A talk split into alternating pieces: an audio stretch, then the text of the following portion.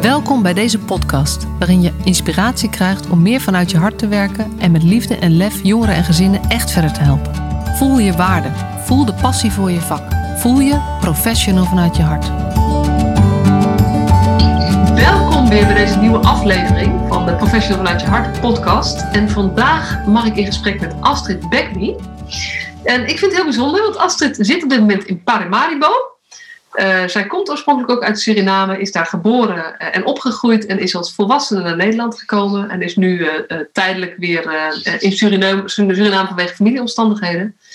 En ik heb Astrid, ja, kunnen we zeggen, ontmoet op Clubhouse. Wij kwamen daar in gesprek over de jeugdzorg, wat er, wat er beter kan, wat er beter moet. En Astrid raakte mij met haar, um, met haar verhaal. Want zij heeft als moeder en pleegmoeder te maken gekregen met jeugdzorg. En zij is ook docent Nederlands. Dus zij kent ook de professional kant. En uh, het leek mij super mooi om daarover met elkaar uh, in gesprek te gaan. Welkom Astrid. Nou, dankjewel Marcia. Uh, en de eerste vraag die iedereen van mij krijgt is: ben jij een professional vanuit je hart? Nou, deze vraag uh, deze vraag beantwoord ik met een volmondige ja. Um, het is natuurlijk wel gek om het over jezelf te zeggen. Maar ik heb de keuze gemaakt om docent of leerkracht te worden sinds ik negen jaar oud was. En mijn rolmodel is geweest mijn eigen leerkracht in groep 6. En uh, ja, ik ben, ik ben echt heel bewust docent geworden, leerkracht voor de basis school. En later ben ik me gaan specialiseren in het vak Nederlands. Ik heb in het kader van minder handen voor de klas heb ik ook Engels gegeven in, in Nederland. En in het kader van een tekort aan Spaans docenten heb ik ook Spaans gegeven in Suriname. Dus uh, als je me vraagt, ben ik een professional in, uh, met heel mijn hart? Absoluut. Ja. Absoluut, ja. En eh, weet je, als klein meisje was dit al je droom. Je hebt ook wat dat betreft je droom waargemaakt. Ik heb tenminste één droom gemaakt en dat is deze. Ja, ja, ja. ja. En kan je zeggen dat dat, dat nog uh, veranderd is in de loop der jaren? Was je altijd al zo of ben je eigenlijk steeds meer gaan kiezen voor dat vanuit je hart um, docent zijn? Ik denk dat ik altijd al zo ben geweest. Um, dat, dat, ik, dat ik weer bij mezelf wilde blijven altijd en gewoon doen wat je hart je ingeeft. En dat lukt niet altijd, want je hebt met mensen te maken, je hebt met je omgeving te maken. Maar ik doe wel mijn uiterste best om dicht bij mezelf te blijven en dicht bij mijn hart te werken. Uit mijn hart mijn werk te doen. Ja. Ja, ja, ik vind het echt heel mooi hoe je dat ook omschrijft. Dus uh, dank je wel daarvoor. ja. Ja. ja. En uh, misschien wil je iets vertellen over. Weet je, ik, ik gaf een hele korte introductie over, uh, over je gezin. Maar dan kan jij natuurlijk ja. veel beter. Wil jij daar ons uh, wat over vertellen? Ja, dat wil ik zeker. Ik uh, ben een vrouw van 49, ben moeder van vijf kinderen, variërend tussen 30 en 14 jaar oud. Ben ook oma van drie kleinkinderen. Eentje van 12, dus alweer tiener. En twee kleintjes van 7 en bijna drie jaar oud. Um, en een tijd geleden heb, ben ik ook nog pleegmoeder geweest van um, de kinderen van mijn overleden zusje. Um, dus op een gegeven moment had ik zes kinderen in huis, waarvan drie van haar en drie van mij. En de helft waren tieners.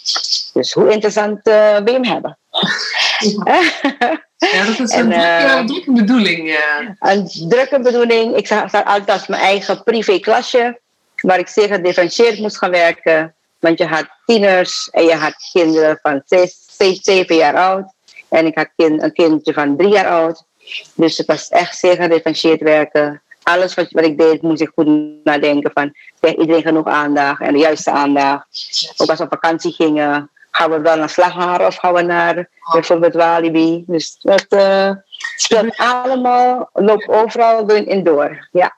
dat, dat herken ik. Ik heb vier kinderen en de oudste is 13 en de jongste is 3.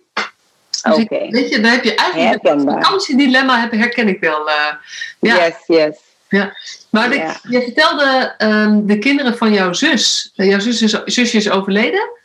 Uh, en toen zijn haar kinderen vanuit Suriname naar Nederland gekomen. Heb ik het goed begrepen? Het is juist omgekeerd. Zij woonde met haar kinderen in Amsterdam. En ik was al geremigreerd naar Suriname. Hertrouwd al daar. heb mijn drie jongste kinderen mee. En ik ben dus vanuit Suriname, binnen een paar dagen na haar overlijden, naar, naar Nederland gekomen. Wetende dat ik daar me zou, met, zou vestigen in Nederland om voor de kinderen te zorgen. Want ik, wilde, ik wilde, en ik zeg ik, maar ik bedoel ook mijn moeder, dus namens de familie, wilden wij kosten wat wils voorkomen. Dat de kinderen, punt 1, uit elkaar gehaald zouden worden. En punt 2, dat ze niet in een gezin zouden komen die ze niet kennen. Ja. Dus een vreemd pleeggezin. Dat wilden we echt voorkomen. En ik heb in feite daarvoor mijn leven on hold gezet. Letterlijk en figuurlijk. Want ik heb, ik heb mijn kinderen met veel moeite, veel commentaar van zelfs familie en andere mensen, heb ik mijn kinderen na drie maanden, tussen drie en zes maanden, over terug, teruggehaald naar Nederland. En mijn man heeft jammer genoeg vier jaar lang moeten wachten eer wij gezinshereniging konden hebben. En dat heeft meer te maken met het feit dat uh, de IND van die absurde regels heeft. En uh, eigenlijk niet gezinsvriendelijk denkt en werkt. Nee. Dus dat heeft, dat heeft vier jaar geduurd voordat we eigenlijk herenigd waren. Man en vrouw, maar ook stiefvader en kinderen. Ja, ja. Dus dat heeft, een, dat heeft echt een, eh, een hele, hele grote impact gehad op eigenlijk het hele gezin, het functioneren van alle kinderen. Ja, ja want, want jij, jij, woont dus, jij woont in Suriname met je, met man, nieuwe man, maar gewoon een man, zeg maar. Nieuwe ja. overleed in, in, in Amsterdam en jij hebt toen nou ja, per direct besloten, ook namens de mhm. familie, ik ga terug naar Nederland, want deze kinderen moeten gewoon bij elkaar blijven en bij familie opgroeien. En ik ga die plek bieden. Dus je hebt je kinderen weer meegenomen naar Nederland. Yes. En uh, om voor de kinderen van je zus te zorgen. Ja, dat is echt. Ja, je, je leven on hold zetten, dat is wel. Uh, je kiest dan gewoon voor anderen. Ja. Ja, dat is, dat is iets dat uh, op een of andere manier een beetje bij me hoort. Kiezen voor anderen, soms boven jezelf. Ja. Maar na, na een burn-out en een spanningsaanval ben ik toen echt wel gaan nadenken van hé, hey, wacht even, ik mag er ook zijn. Ja. En bovendien ben ik gelovig, dus uh, vanuit de Bijbel heb je naast de lief als jezelf. Ben ik die tekst echt beter gaan ontleden en gaan begrijpen en nu leef ik die tekst. Ja. Dus zelfs mijn eigen kinderen, ja. mijn eigen kinderen hebben zelfs ook uh, uh, het probleem van hé, hey, oh ja, mama eerst en dan wij. Ja. Het stukje als jezelf heb je erbij moeten leren. Dat liefde voor anderen, dat was er van het begin. Uh, maar hier, als je nu hierop terugkijkt, dit, weet je, misschien zou je dit nog dezelfde beslissing maken, maar het was in ieder geval een mhm. hele grote beslissingen, beslissing gewoon uh, om, om die kinderen op te kunnen vangen op het moment dat ze hun moeder verliezen. Wat natuurlijk uh, echt heel verschrikkelijk is. Ja, absoluut. Ja. En kan je ons meenemen vanaf dat moment? Hmm, oké. Ik zal jullie meenemen vanaf het moment dat mijn zus aan de telefoon hangt en zegt: Ik ben heel ziek. Ik voel me zo ziek, grieperig, heel zwaar grieperig. En uiteindelijk na zes dagen kwam de huisarts toch maar even kijken. Want die mevrouw belt elke keer. Wat is er aan de hand? Het is een epidemie. We willen ons richten op de seniorenburgers. Ze komt na zes dagen toch kijken en blijkt het een longontsteking volgens haar diagnose. Achteraf blijkt een verkeerde diagnose, was het een myocarditis, dus een, een, een ontsteking van de hartspier. En heeft ze eigenlijk te laat hulp gehad. In de nacht van haar overlijden heeft ze zelfs nog gebeld met de huisartsenpost. Maar dat heeft niet mogen baden. Er is geen hulp gestuurd. En de ambulance kwam eigenlijk een mevrouw halen die al zo goed als dood was. En ook na uh, geprobeerd uh, reanimatie is het niet gelukt. En zijn de kinderen, is mijn zusje in het bijzijn van haar kinderen eigenlijk overleden. En een paar dagen daarvoor had ze contact met mijn moeder gehad, met onze moeder gehad en ook met mij. En ze vroeg, als ik kom alsjeblieft terug naar Nederland, want ik voel me zo eenzaam. Ik heb het zo zwaar met de opvoeding van mijn kinderen. Maar ik was natuurlijk pas elf maanden getrouwd en ik was ook drie jaar of, of drieënhalf jaar ervoor geremigreerd naar Suriname. Waar ga je wonen? Waar ga je werken? Het is weer een hele goede stap om allemaal terug te komen. Dus ik zei van Dorothy, focus je op jezelf. En uh, één ding beloof ik, als iets met jou gebeurt, dan ga ik wel voor je kinderen zorgen. Dus vraag me niet, Masha, van waar die drang kwam om dat te moeten zeggen. Ik heb het gezegd en twee dagen later mocht ik het letterlijk uitvoeren, want toen was ze gestorven. En uh, ik ben toen haast over kort naar Nederland gekomen. En zo goed, zo goed als kwaad als het ging, heb ik de kinderen opgevangen. Focus was, tussen moest begraven worden. Er was een gezagsvacuum, er was niets geregeld over tenminste twee kinderen. Twee van de vier. Eentje was al de andere had haar vader had gezag, samen met mijn zus. En de twee jongsten hadden, was er geen gezag geregeld. Dus dat, dan ga je, ondanks het feit dat ik zelf heel erg in verdiept zit en de kinderen huilend rond, rond je zijn, de kleintjes snappen wat er precies aan de hand is. Drie en vijf waren de drie jongsten. Dan doe je echt je uiterste best om uh, er te zijn, elke minuut van de dag, elke seconde van de dag. En uh, ja, dat is niet makkelijk geweest. Nee, dat, voor de kinderen niet, maar ook voor mijzelf absoluut niet. Nee. de kinderen zijn hun moeder kwijt. Ze zijn, er komt een tante die ze wel kennen, maar die toch, waar ze toch aan moeten wennen. En uh, ik werd ook geconfronteerd met tante, uw stem is dezelfde als onze moeder. Zelfs uw tenen zijn hetzelfde. Het was heel confronterend voor mij, maar ook voor de kinderen in het bijzonder. Dus uh, ja, en toen werd je, dus, uh, werd je officieel de pleegmoeder van? Ik werd na een tijdje pleegmoeder, want ik wist niet eens dat dat kon überhaupt. Dus ik, roeide met, ik probeerde elke dubbeltje om te draaien. En uh, elke euro om te draaien. En uh, op een gegeven moment werd mij verteld dat ik officieel pleegmoeder kon worden. En heb ik uh, dat pad bewandeld. En kregen we ook dan een pleegoudervergoeding, waardoor de kinderen eigenlijk gewoon konden krijgen waar ze recht op hebben. En dat is een goede verzorging. Op tijd kleding, op tijd de juiste voeding enzovoort. Ontspanning, sport en spel. Ja. Dus zodoende ben ik officieel pleegmoeder geworden. En dat gezagsvacuum, wat is daarmee? Ja. Oh, dat uh, heb ik gelukkig kunnen oplossen door naar de rechtbank te gaan en te vragen of ik de voogdij kon krijgen over de twee jongste kinderen. De vader van het jongste kind was daar niet mee eens. De vader van het, het voorlaatste kind was niet in Nederland. Dus stond ook niet bekend als zijn vader. Dus de, voor dat, over dat kind kreeg ik de voogdij heel makkelijk. Ik kreeg de voogdij over beide kinderen. Maar die vader van het jongste kind ging in discussie en ging in uh, beroep en noem maar op. En kort dingen. Ik kan je niet vertellen uit, uit het hoofd hoeveel rechtszaken wij niet hebben gehad. En nog steeds is de, is de storm niet geluwd. Dus dat is, is dat heel jammer is. Maar um, en later kwam jeugdzorg. En die hebben eigenlijk. Uh, en op welk, moment, op welk moment kwam jeugdzorg erbij? Nou, um, jeugdzorg kwam in eerste instantie erbij. Volgens mij toen ik officieel pleegmoeder werd, moest ik een gesprek met iemand hebben. En was iemand die me meekeek af en toe. Dat ging goed. Maar tot, tot het moment dat die, de vader eigenlijk niet meer eens was dat ik de voogdij had over zijn kind, dan, uh, ja, dan krijg je eigenlijk gehaal en getrek. Dan word al heel gewoon neergezet als de opvoeders. Want de vader, al, alhoewel dat kind nooit bij hem heeft gewoond en hij niet eens een, een omgangsregeling had, want mijn zusje had zelfs een straatverbod aangevraagd via haar advocaat aan de rechtbank, omdat hij haar stalkte. Toch werd in alle papieren opgeschreven, omdat de vader het kind erkend heeft, zijn allebei mensen opvoeders. Dus ik ben opvoeder en die man is opvoeder, de vader, terwijl dat niet klopte.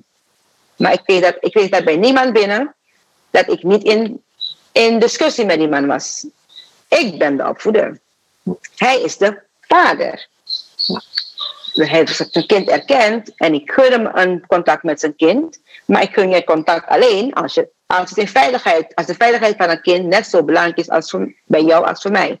Ja. Maar hij had issues met drank en met drugs. Dus dat was altijd een probleem. Ja. En eigenlijk heeft jeugdzorg sindsdien um, geprobeerd te bemiddelen. Een heleboel gesprekken, kinderbescherming erbij, OTS'en, noem maar op. Maar het is altijd maar. Uh, ik persoonlijk vind ik dat het niet in het belang van een kind is geweest. Maar we zijn nog steeds geen stap verder. Want dat is wat mij, wat mij zo raakte in, in, uh, weet je, in Clubhouse zei je. Uh, jeugdzorg heeft echt mijn gezin uit elkaar getrokken. Ze hebben, ons uit, ze hebben, om de woorden van mijn nu 14-jarige dochter, toen 10-jarige dochter te gebruiken. Zij zegt, mama, jeugdzorg is een slechte organisatie. En zij hebben mijn nichtje van mij afgerukt. Die twee meisjes zijn even oud, zes weken verschil. En ze zijn, ze groeien op als een tweeling. En jeugdzorg heeft ze uit elkaar gerukt. En uh, eigenlijk alle kinderen eigenlijk weggehaald bij mij. Met een smoes. Dat het in mijn voordeel zou zijn. Maar ik was zo moe. En daar, ik ging vaker naar mijn man in Suriname. Die, zoals ik al zei, pas na vier jaar kon komen. Dus in die vier jaar tijd ging ik zeker twee keer per jaar naar Suriname. En Maasje, als je me vraagt waarom ging je naar Suriname? Eén, om niet weer een burn-out te krijgen. Want zes kinderen in je eentje is niet niks. Met rechtszaken, met dit, met dat. Uh, met die zorg voor al de, in het bijzonder ook het jongste kind met die best wel zorg nodig had en heeft. Dus um, ik ging om zelf te ontlasten. En aan de, andere, en aan, aan de tweede plaats, niet minder belangrijk, ik ben een getrouwde vrouw. Ik heb een man die daar op mij wacht. Dus ik ging ook om mijn huwelijk uh, in stand te houden. Nou, en dit, is, dit is wel uh, meteen een, een uh, ja, laten we het maar een cultuurclash noemen, zeg maar. Dat mm-hmm. als je vanuit de Nederlandse uh, cultuur denkt, dan ja. kan het niet dat ouders hun kinderen alleen laten. Maar als ik kijk naar hoeveel gezinnen uh, uh, zeg maar, hoeveel uh, van, de, van de Cariben of van Suriname en ook, weet je, ook andere landen, maar hiervan weet ik van heel veel, dat het eigenlijk mm-hmm. best wel gebruikelijk is om kinderen ook door familie op te laten vangen, omdat jij of ergens anders gaat werken, of omdat je uh, nou ja, bijvoorbeeld op vakantie gaat of zo. Dat, dat, dat, dat is gewoon een andere norm dan wij gewend zijn. Oké, daar kan ik me wat bij voorstellen. Maar bij mij gaat het erom, of ik zie het zo, de kinderen werden niet in onveiligheid achtergelaten. Er werd een heel draaiboek gemaakt.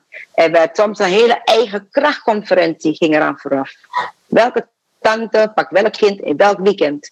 Wie brengt de kinderen, welke vrijwilligers gaan met de kinderen aan muziekles? Wie, alles wat Astrid deed, elke dag opnieuw, ja. werd door een scala van netwerk, groot netwerk, opgepakt. Ja. Dus ik vind niet dat je dan kan zeggen, alhoewel het niet jullie cultuur is, of niet zo, zo gebruikelijk is in, in de Nederlandse cultuur, dat je daar geen begrip voor op kan brengen.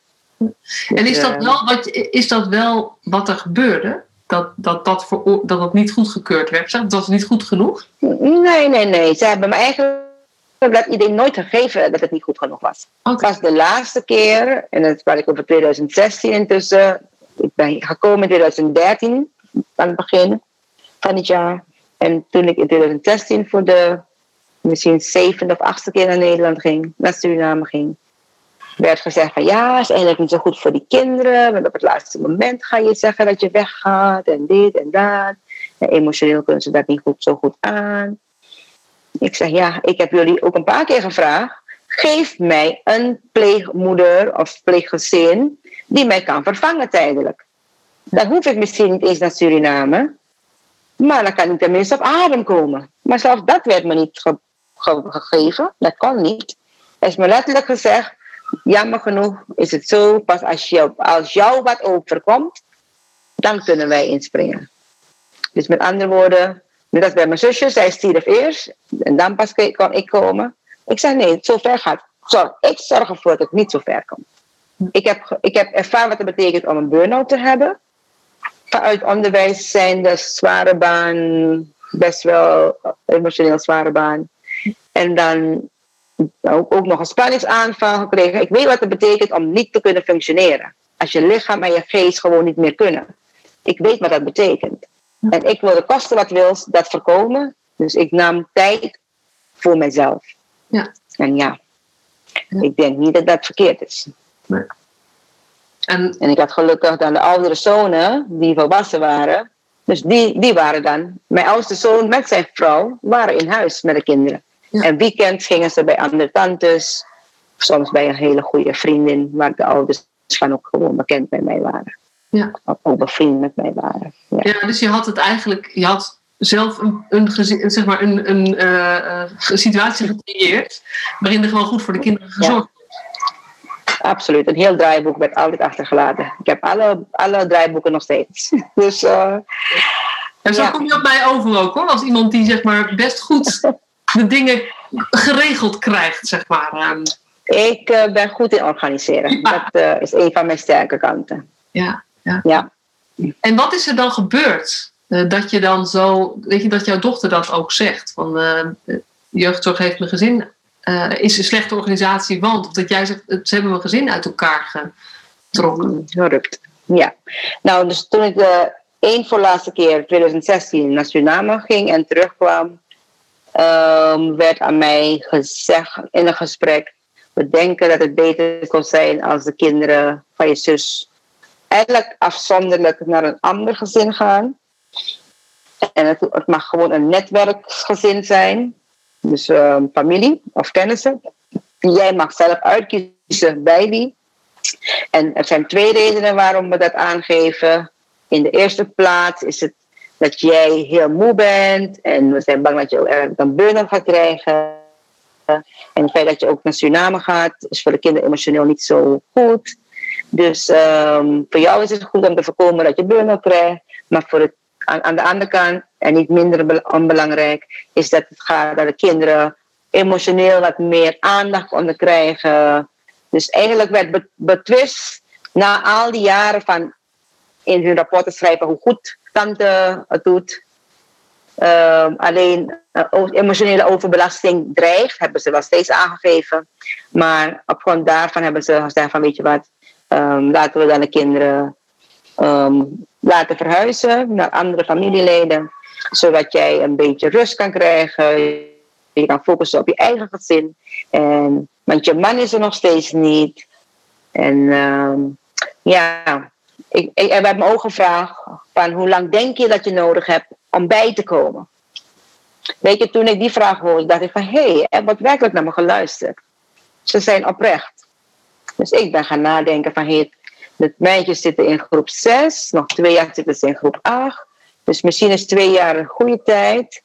Dan gaan ze weer samen naar de middelbare school. Zo had ik het in mijn hoofd. En in die twee jaar zal mijn man er al zijn. En ben ik een beetje bijgekomen. Is mijn, gezond, is mijn zoon met de gedachtsproblemen een beetje groter geworden. Zo had ik het voor mezelf gezien. Ja. Maar eigenlijk begon ik na acht maanden begon een, een raar gevoel bij mij te komen. Ook omdat jeugdzorg begon te praten over, wil je de voogdij niet aan ons geven? Ik zeg, hoezo? Als, als de kinderen natuurlijke personen hebben, hun familie, Waarom zou ik moeten kiezen dat de kinderen ineens een, uh, door, door instantie uh, zou moeten hebben? Ik snap dat niet. Ik snap die hele gedachtegang van jullie niet. Dus toen begon ik echt te twijfelen van, hé, hey, er klopt iets niet.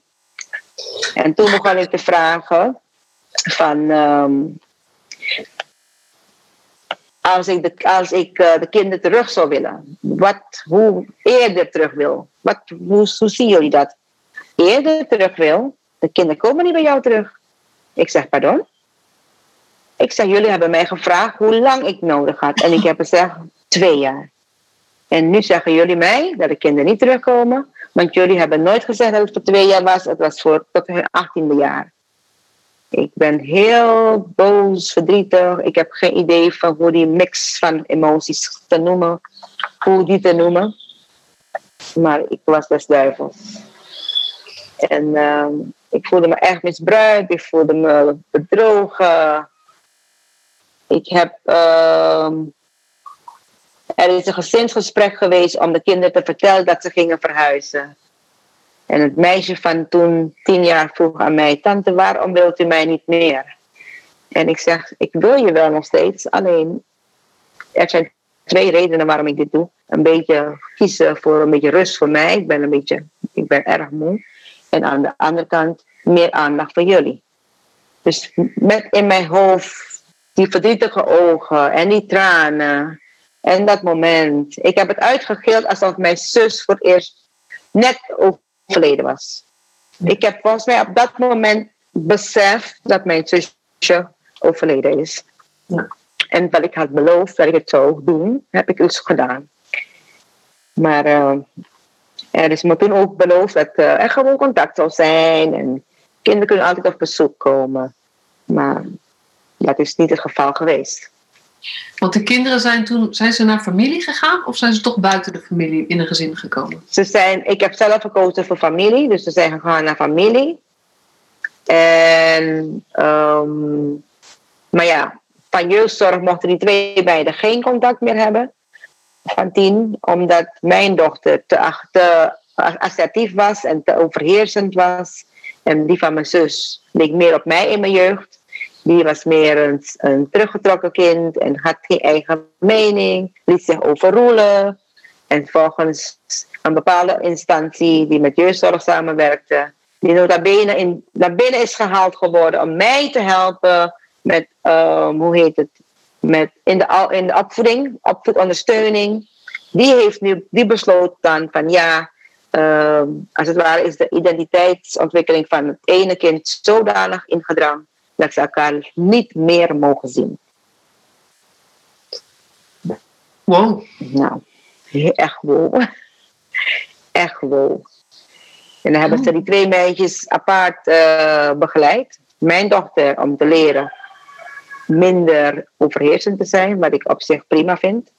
Uh, mijn nichtje te leren voor jezelf opkomen, assertief zijn. Je mag er zijn, je hebt een mening en je mag je mening geven ook prima. Maar waarom mogen ze elkaar niet zien? En, en, en dan, ja. is, dat dan, is een gezinsvoogden geweest die hier deze beslissingen genomen hebben? De gezinsvoogd en de, de gezinsmanager, geen manager, de, de therapeut van die bewuste organisatie. En pleegzorg, alle drie. Ja. En hoe, wat voor gevoel, ja, je zei het net al even, maar, maar wat voor gevoel geeft dat je dan als moeder, pleegmoeder? Om te beginnen, elke opvoeder heeft zo sterke en zwakke kanten.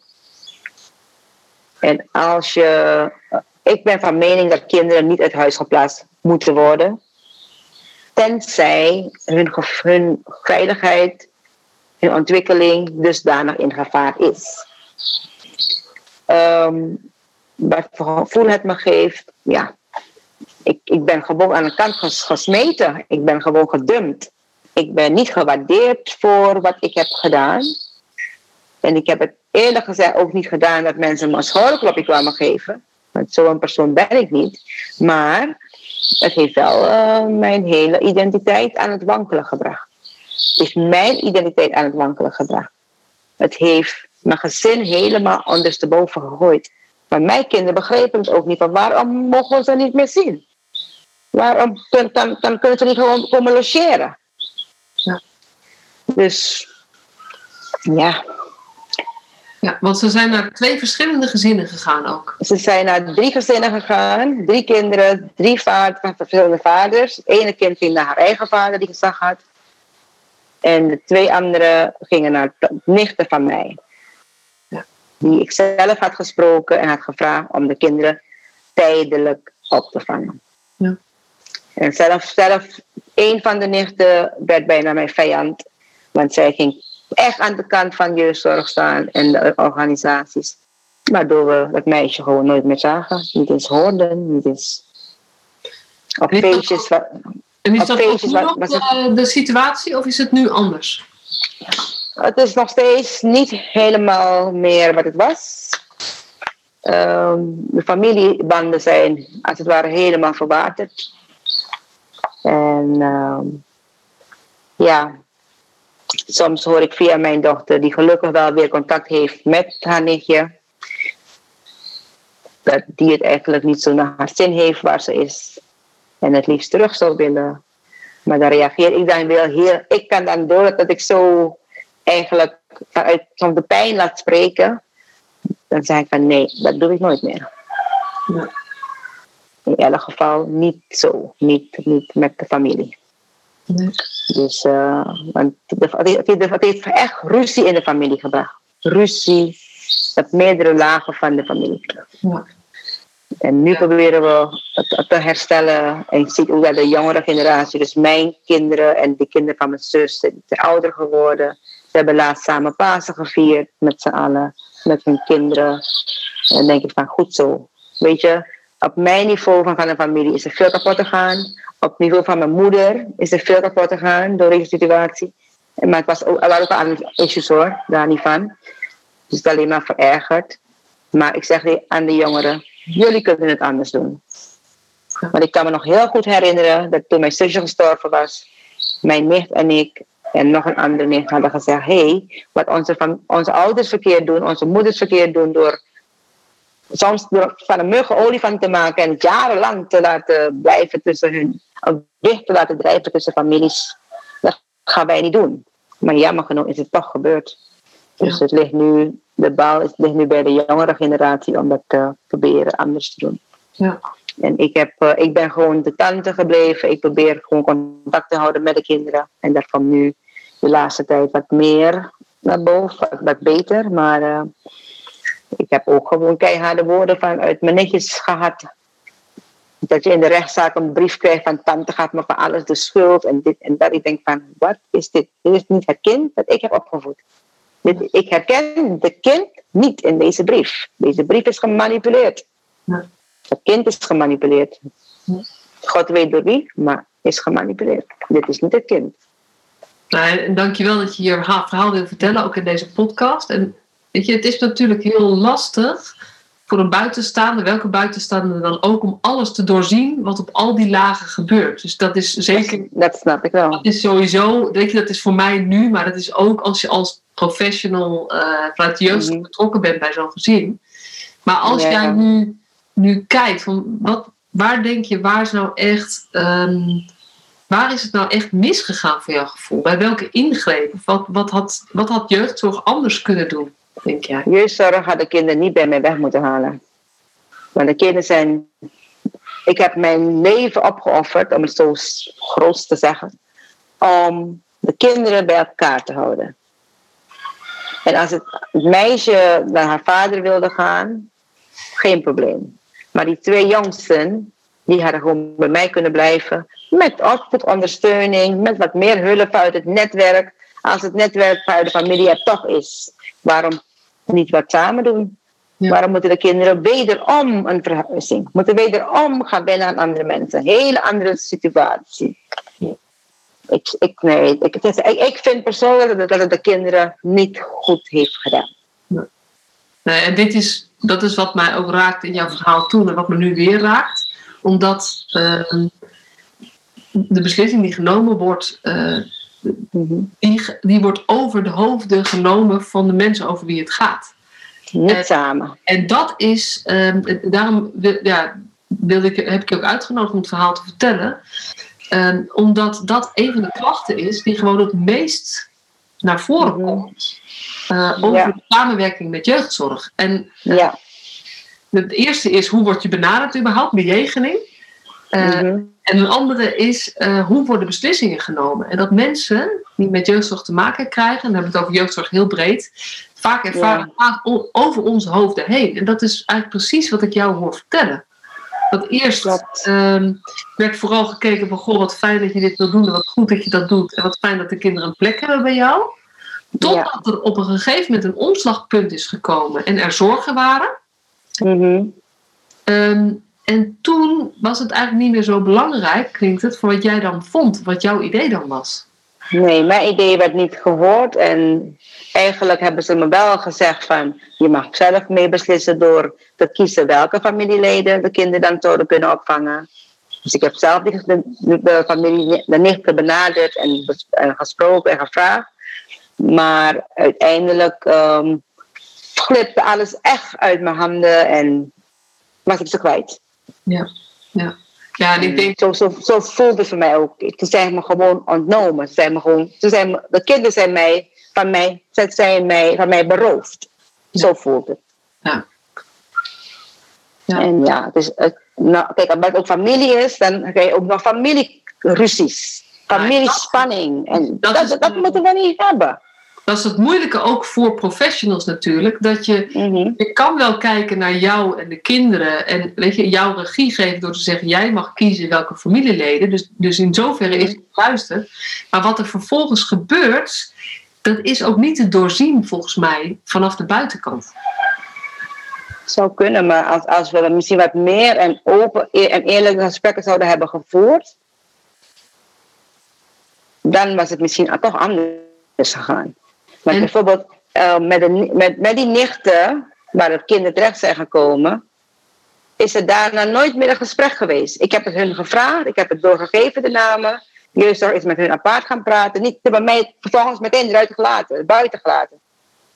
Alhoewel ik nog heel lang voogd was van die kinderen. Je moet me niet buiten laten. Ik wil bij elke beslissing betrokken worden. Ja. Ik ben niet alleen voogd op papier, ik ben gepassioneerd en ik ben betrokken. Ja. Dan ga je me niet aan de kant schuiven. Dat is echt hoe jij het nog steeds voelt. Dat je gewoon, Nog steeds. jij bent Ja. gewoon op een zijspoor gezet. En eh, ben je nog steeds voogd van de kinderen ook? Ik ben van het jongste kind nog steeds voogd. En dan toch eh, wordt eigenlijk door anderen bepaald. Door anderen, door de pleegouders, door ehm, jeugdzorg en, en ehm, hoe heet dat? Pleegzorg en geen jeugdzorg meer, maar leren zelfs, andere instantie. Ja, precies. Om, omdat de vader met Jan, Piet en Klaas altijd ruzie maakt. Dus niemand functioneert goed. De pleegouders niet, maar zeker jeugdzorg niet. Dus heeft de rechter gezegd, oké, dan zetten we legerhuishelder in. Nou, het doet me zuchten. Want Weet je, en, en ik vind jouw verhaal gewoon zo. ehm, het raakt me ook zo omdat het een verhaal is van veel ouders. klopt, herkenbaar verhaal. En, en dat, is, dat is zeg maar, eh, eh, want ik, ik hoor bij mezelf ook, weet je, ik ben natuurlijk ook zo'n professional die ook meteen gaat denken van, goh, maar ja, er zijn ook wel zorgen. Dus dat gebeurt, en dat is allemaal waar, Mhm. maar het, is, het gebeurt te vaak dat Ja. ouders het gevoel hebben, het wordt mij ontnomen en alle regie wordt weggehaald. Absoluut. En ehm, je kan, je, je kan niet, gewoon niet meer het leven vormgeven, zeg maar. En, en de relatie met de kinderen zelf vormgeven. Nee, Terwijl dat wel is wat jij zelf wil, de kinderen, ehm, en wat je ook aan je zus beloofd hebt. Weet je, dat is Absoluut. natuurlijk ook heel moeilijk, want dat dat niet meer kan. Dat is voor jou heel moeilijk om, te, om mee om te gaan, denk ik. heel moeilijk. Ik heb er nog steeds last van. Ja. Ik heb nog steeds last van de pijn en het verdriet dat het mij heeft gebracht. Ja. En, en eigenlijk ben ik door- doorgegaan, doorgegaan, doorgegaan. En op een gegeven moment werd ik weer ziek. Ben ik ook uit het onderwijs gegaan. Ook niet op een leuke manier. Maar goed, dat, dat hoeft op, op dit, op dit, dit podium niet verteld te worden. Maar ehm, ik ben dan, eh, heb ik gezegd, oké, is nu tijd voor mezelf. Ja. Ik, heb, ik geef mezelf toestemming om mezelf te zijn. Ja. En daarmee bedoel ik, ik ga werken aan mijn eigen issues. Ga werken aan mijn eigen... Ik ga eindelijk rouwen over mijn overleden zus. Ja. Ik ga eindelijk rouwen over het verlies van de kinderen van mijn zus. Dus ehm, ja, dat, het raakt me nog steeds. Ik word nog steeds emotioneel daarover. Ja. En wat mij ook opviel is, ehm, je bent verdrietig, je bent boos over hoe het gegaan is. Ja, Maar ik vind je niet, zeg maar, eh, je, je bent niet boos op, op al die professionals op zich, zeg maar. Omdat je zegt, ik, ik zie ook dat ze de dingen wel goed proberen. Natuurlijk. Maar Maar waar, waar gaat het dan mis? Want dat zijn niet die individuele mensen per se.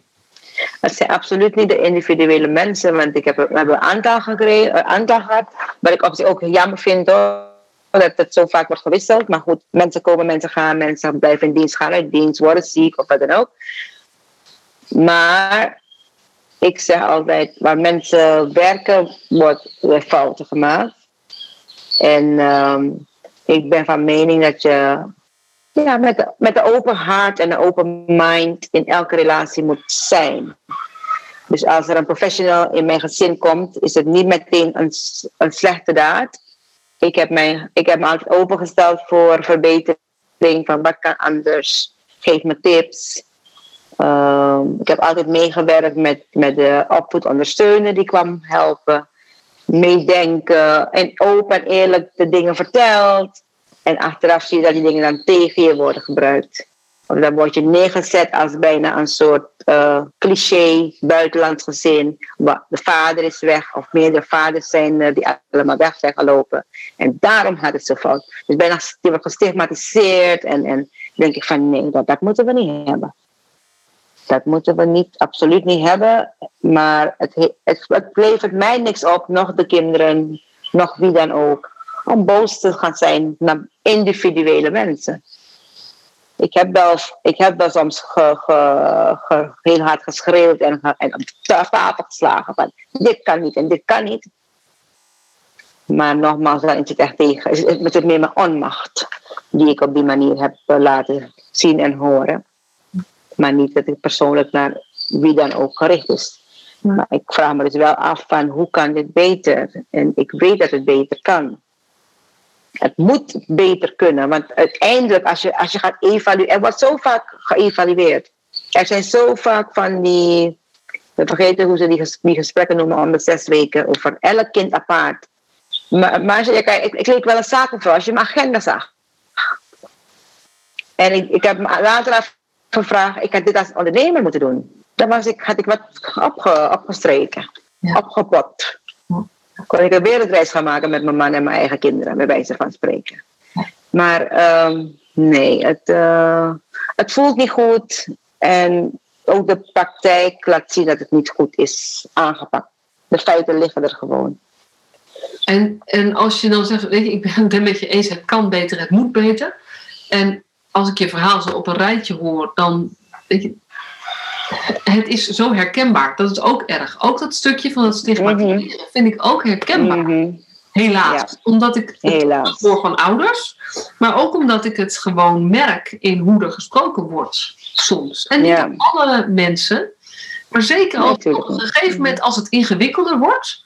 En ik denk dat op een gegeven moment jullie gezin zoveel verschillende spelers had. Dat het ook ingewikkeld was om op een gegeven moment nog uit elkaar te rafelen. Wat is nou precies oorzaak, gevolg en hoe hangt het allemaal met elkaar mhm. samen.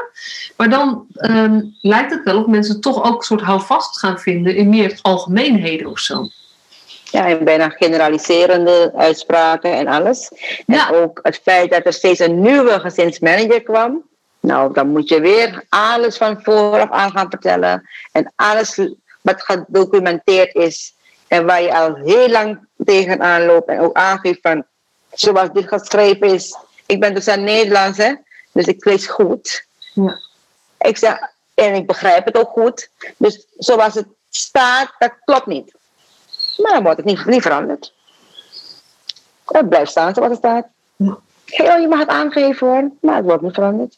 Dan ben je weer in een zoveelste rechtszaak. Dus leest die rechter iets uit het rapport. denk ik van, hoezo? Gaan ze dingen van kinderen door elkaar halen? Dan zijn mijn kinderen plotseling ook eh, getuigen van huiselijk geweld geweest. Waar kom je met dat soort verhalen? Ja. Dus dan is het heel, al die uh, rapportages zijn dan niet meer waarheidsgetrouw. Ze zijn gewoon, ja, voor mij gewoon te verscheuren. Ja, en dat is, ja, dit is wel, uh, je noemt meteen de, de nummer twee van, of de nummer drie, ik weet niet precies, van de klachten. Dat gaat namelijk over de informatievoorziening en hoe er wordt omgegaan met informatie en wat er gebeurt als je aangeeft dat informatie niet klopt. En dat inderdaad heel veel ouders uh, ervaren hebben dat ja. het met je meegaat. En kinderen ook die ervaren het gaat met je mee, ook al is de situatie heel anders of zelfs klopt het gewoon soms niet. Klopt. Dus, uh, ja. Hoe gaan we dit gesprek nou nog een beetje hoopgevend eindigen? Is er iets waarvan je denkt, van, ja, dit, dit is. Um, weet je, dankjewel dat je je verhaal met ons deelde, zeg maar. En, en ook, uh, nou ja, het is, geeft stof tot nadenken en het maakt het ook heel erg mhm. concreet.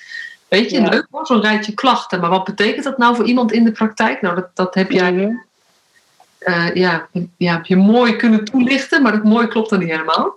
Maar is, er, is er iets waarvan je zegt, ja, maar dit zou ik echt mee willen geven aan iedereen die luistert?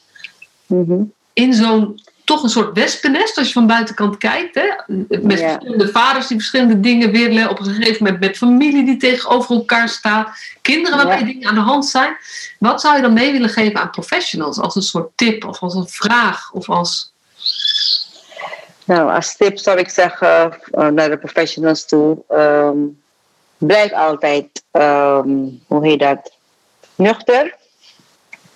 En heb, maak, heb door waar het over gaat. Ga geen dingen verwarren. En, en betrek de pleegouders in dit geval. En de kinderen, waar, ook als het om jongeren gaat. En als dat boven voor mij 16 of 12, 12 of 16 is. Maar als, als om jongeren gaat. Ga in gesprek met de mensen zelf. Maak samen een plan van aanpak. Maak het plan van aanpak niet voor me. Maak het met me.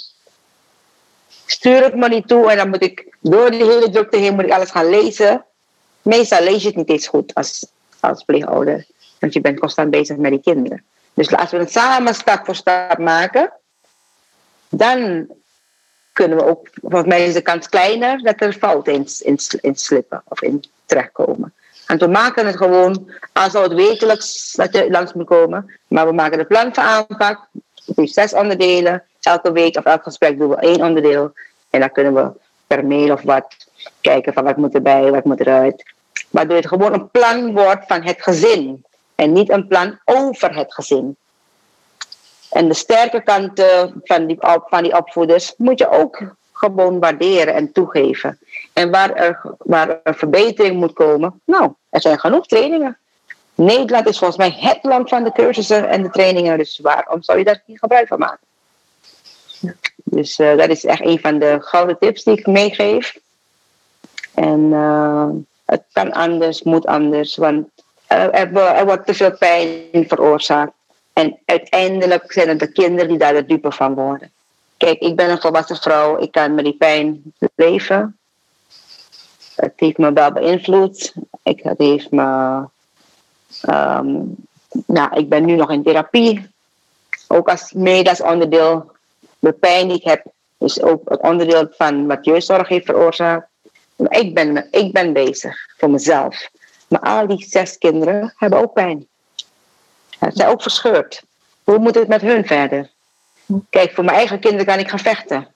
Maar voor de andere kinderen, ik, ik kan uh, niet zoveel inbrengen meer. Ook al ben ik voor over het jongste kind, wordt er bepaald voor me. En ik vind dat niet kunnen, eerlijk gezegd. Maar ik eerbied ook niet gewoon waar je terecht moet. Bij wie kan je terecht? Dus um, ja, dat. dat. Ja, nou ja, nogmaals, dank je wel. Proberen om het een, een, ik probeer een positieve draai aan te geven, maar het is gewoon een te complexe uh, situatie. Eén ding kan ik zeggen, ik ben niet boos. Ik ben niet verbitterd. Ik ben gewoon, uh, het, heeft, me krachtiger gemaakt dan ik al was. Maar, en daarom ben ik ook blij dat ik jou ben tegengekomen via um, Clubhouse. Het is voor mij een zegen, Clubhouse.